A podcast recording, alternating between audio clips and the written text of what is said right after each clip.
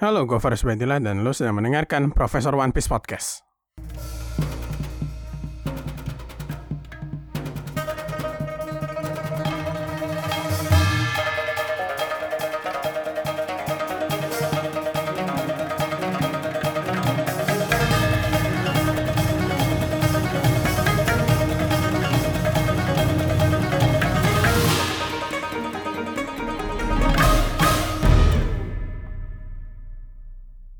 Hari ini kita akan ngebahas spesifik tentang Kaido.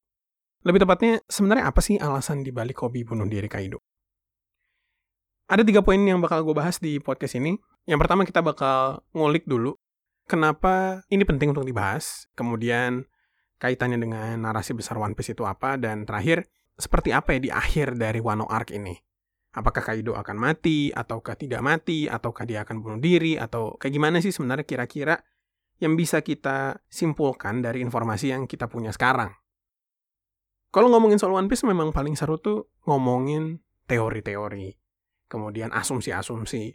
Terus um, satu hal yang paling seru gue sendiri sebagai orang yang suka One Piece itu lakuin adalah ngukur apakah Kaido itu jauh lebih kuat daripada Luffy gitu kan ya. Kalaupun iya, seberapa kuat gitu. Tetapi dibalik itu semua, sebenarnya yang membuat One Piece itu menarik kan lebih ke seberapa dalam ceritanya. Betapa banyaknya foreshadowing yang dilakukan oleh Oda di chapter-chapter sebelumnya dan chapter-chapter sebelumnya yang nantinya akhirnya uh, berbuah manis di uh, eh, 200 chapter berikutnya gitu kan. Uh, Bone Clay misalnya, Bone Clay yang membawa tema friendship di akhir Alabasta Arc. Kemudian dibawa lagi ngomongin soal friendship lagi di Impel Down. Itu adalah sesuatu hal yang luar biasa menarik dan ibaratnya apa kayak rewarding gitu buat kita para pembaca. Nah, kalau lu inget, Kaido itu debut di chapter 795 dan judul chapternya itu adalah Suicide. Di situ memang menceritakan hobi bunuh diri Kaido yang dia terjun kan dari langit, terus pas jatuh uh, ketemunya sama siapa tuh Kid, Killer sama Hawkins sama Apo. Oke, okay? eh, walaupun kebelakangan uh, si Apo ketahuan bahwa dia adalah mata-matanya si Kaido gitu ya. But all in all, narasi yang dibahas sama si Kaido pada debutnya dia itu menurut gue menarik gitu. Yang pertama dia ngomong uh, bahwa Shirohige melakukan ini dengan benar. Kemudian uh, dia pengen memulai sebuah perang yang paling besar yang pernah dilihat planet ini. Kalau kita pikir baik-baik gitu kan ya. Untuk orang yang punya hobi bunuh diri, dengan judul chapter bunuh diri, apa yang sebenarnya Kaido maksud pada saat dia bilang, apa yang dilakukan oleh si Shirohige ini dengan benar? Kalau misalnya gue lihat dari apa aja yang udah si Whitebeard ini lakukan, ya terlepas dari histori yang diceritakan dari mulut ke mulut. Misalnya Garp ngomong, oh, dia pernah ngelawan Whitebeard, atau misalnya kayak hmm, Ace ngomong, uh, kayak gimana dia kalah sama Whitebeard. Itu kan event yang terjadi dalam isolasi. Hanya orang yang tahu ceritanya lah yang tahu spesifik itu. Artinya, kemungkinan besar hal yang dilakukan Whitebeard dengan benar adalah sesuatu hal yang diketahui juga oleh kita, para pembaca, dan diketahui juga oleh banyak orang di dunia One Piece. Kalau misalnya kita membahas soal ini, di sini cuma ada tiga hal yang bisa dikategorikan sepak terjangnya Whitebeard di dunia One Piece. Yang pertama mulai perang Marineford demi menyelamatkan Ace, kemudian dia mati di medan perang tersebut dan dia memulai era bajak laut baru gitu dengan mengkonfirmasi keberadaan One Piece kan. Tiga hal ini yang mungkin bisa kita lihat sebagai sesuatu hal yang dimaksud sama Kaido bahwa ini adalah sesuatu hal yang benar. Yang pertama, kita ngomongin soal memulai perang Marineford demi menyelamatkan Ace. To be honest, gue nggak melihat Kaido sebagai seseorang yang segitu care-nya sama krunya. Uh, clearly dia dengan senang hati menjadikan krunya sebagai bahan percobaan. Uh, entah itu percobaan senjata barunya si Queen, atau misalnya ngejejelin si anak buahnya itu dengan smile yang clearly uh, defect gitu ya karena akhirnya muncul banyak permasalahan dari buah iblis ini. Kemudian dia sendiri juga dengan senang hati mengadu domba anak buahnya supaya dia dapat kru yang terkuat. Dan sampai detik sekarang belum ada satupun kru Kaido yang diketahui ditangkap oleh Marin. Toh krunya kuat-kuat gila gitu kan. Jadi clearly bukan ini yang dibahas gitu. Um, kemudian um, mati di medan perang Maybe. Maybe. Kenapa gue bilang maybe? Karena kembali lagi kita mulai di debutnya Kaido yang berjudul Suicide. Mati di medan perang ini sebenarnya bukan soal mati di medan perang ya, tetapi kematian di medan perang yang diingat oleh orang lain. Artinya pada saat perang Marineford siapa sih yang nggak tahu Shirohige itu siapa? Dan sampai Marin itu bawa satu pasukan Vice Admiral sampai admiralnya nongol semua. Sengoku, Garp ikut-ikutan, Shichibukai dipanggil. Cuman buat ngalahin, bukan ngalahin, buat menghadang si Whitebeard. Dengan resiko mereka bakal kalah. Mereka tuh, ini kalau misalnya gua nggak bawa ini skompi, fix kalah gitu. Makanya gua harus bawa sini banyak gitu kan. Tapi kan Kaido tidak sedang memulai perang dengan Marin, paling nggak saat ini belum mulai ya. Artinya, dia mau memulai perang seperti itu. Alhasil kita tidak bisa lihat dia kerjasama sama si Big Mom, bikin onar di Wano selama bertahun-tahun, 20 tahun tentunya ya. Akan tetapi mungkin kalau Marin doang lawannya, nggak cukup gitu. Sehingga di sini ada kemungkinan besar Nah, tapi ini prediksi gue aja ya. Pasukan revolusioner juga akan terlibat dalam pertarungan ini.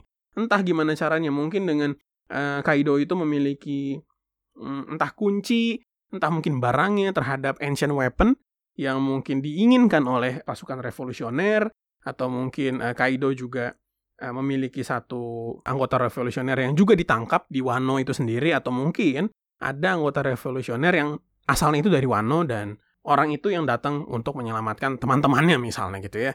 Who knows, who knows, kita nggak tahu persis seperti apa, tetapi ini hanyalah sebuah prediksi. Karena perlu adanya oknum lain nih, selain Marin, apalagi kayak cuman Luffy doang ibaratnya gitu ya. Kalau cuman lawan Luffy doang, terus kemudian dengan satu kom satu kampung Wano, terus kemudian tambah-tambah ya, and let's let's say Grand Fleet-nya Luffy nongol, let's say, oke, okay? walaupun gua nggak yakin Grand Fleet-nya Luffy akan muncul di Wano. Tapi kalau revolusioner, menurut gua masih mungkin. Sehingga nanti mungkin perang yang terbesar itu uh, bakal muncul gitu. Clearly Marin udah terlibat, uh, X Drake sudah ketahuan sebagai mata-mata walaupun belum ketahuan mata-matanya siapa gitu kan. Tetapi kita sebagai pembaca udah tahu bahwa X Drake ini adalah mata-matanya dari Sword tentunya sebagai pedangnya government antitesisnya dari CP ya. Aegis ya, CP Zero, Aegis, Aegis kan shield. Kemudian ada sword. Ya itu hanyalah sword and shield, oke. Okay? Itu itu bego-begoannya gue aja, bego-begoannya gue aja. Jadi jadi mungkin mungkin memang uh, Whitebeard ini memulai perang dan itu yang sebenarnya uh, diinginkan juga oleh Kaido. Nah, poin pentingnya adalah di memulai era bajak laut dengan mengkonfirmasi keberadaan One Piece ini. Kayak gue gue merasa seperti ini loh. Kaido ini pengen mati dan dia pengen dikenang gitu dengan matinya ini. Nah, kalimat ini diperkuat pada saat gue baca chapter 994. Di mana Kaido mengatakan bahwa hanya dengan kematianlah manusia itu mencapai kesempurnaan. Dan dengan segala kelakuannya dia gitu ya. Seseorang yang pengen bunuh diri tapi ngumpulin senjata. Yang nggak dia sukain dihajar, ditembak, bahkan ngebakar Odin. Doesn't make sense ibaratnya gitu kan. Sehingga bunuh diri yang dimaksud sama Kaido ini bisa dibilang adalah bunuh diri bersyarat. Bunuh diri di mana dia itu tuh bisa menjadi sebuah legenda baru gitu, mengalahkan Roger dan juga Whitebeard. Nah, kenapa gue mikir seperti ini? Ini ada hubungannya dengan narasi besar One Piece. Di dunia One Piece hanya yang kuat yang bisa memilih jalan kematiannya. Kayak si Lau ngomong ke Tashigi di Panghazard gitu kan pada saat Smoker dan Tashigi dikalahkan oleh Lau di Panghazard. Kemudian eh, bahwa kematian fisik itu bukanlah kematian yang sesungguhnya, kayak yang Roger bilang kepada Relic sebelum dia dieksekusi. Terakhir, kalau misalnya kita ngeliat historisnya si Kaido, Kaido itu kan sebelumnya adalah seseorang yang tergabung dalam kru Rocks Pirate. Permasalahannya, Rocks Pirate itu sebelum eranya Roger nih adalah bajak laut terkuat gitu kan. Rocks era gitu. Tetapi nggak ada yang ingat Rox itu siapa. Artinya kematian Rox nggak diingat sama siapa pun. Dan melihat kaptennya yang mati tanpa menjadi legenda, walaupun dia sudah sekuat itu, mungkin menjadi motivasi tersendiri buat si Kaido itu. Tetapi apakah dia akan tewas keren di akhir Wano? Well, banyak orang yang sudah berteori bahwa Kaido adalah korban pertama Luffy yang akan dibunuh oleh Luffy gitu ya. However, selalu dari cerita One Piece buat gue, musuhnya Luffy tidak akan mendapatkan apa yang dia inginkan. Dan Luffy lah yang akan menghentikan keinginan si musuhnya tersebut. Sehingga, kalau Kaido ingin mati, seharusnya enggak. Artinya gue tidak merasa bahwa Luffy akan membunuh Kaido. Kaido bakal kalah clearly dia bakal kalah. Kita tahu bahwa kalau misalnya Luffy udah janji untuk mengalahkan seseorang, ya dia pasti bakal kalah. Entah bagaimana caranya, mungkin ada Gear 5, mungkin ada Awakening. Tetapi pada intinya menurut gua di akhir Wano, Kaido nggak akan mati oleh Luffy. Kalaupun dia mati, mungkin bukan oleh Luffy. Oke? Okay? Nah, kalau misalnya kita ngomongin soal akhir Wano, kita juga nggak bisa lepas untuk ngomongin soal samurai ya nggak sih? Dan samurai ini tuh dari awal kita baca One Piece itu erat sama Zoro. Tetapi sampai sekarang Zoro itu tuh masih ibaratnya kayak low key sekali gitu. Nah di episode ke depannya gue bakal ngebahas soal karakterisasi Zoro di Wano saat ini, kemudian kita bakal mengkaitkan dengan sejarah Oden, dan kita akan berspekulasi tentang perjalanan Zoro dalam mendapatkan si Conqueror Haki tersebut. Oke, okay? thank you pisan untuk dengerin episode ini. Sekian dari gue, see you the next podcast. Bye-bye.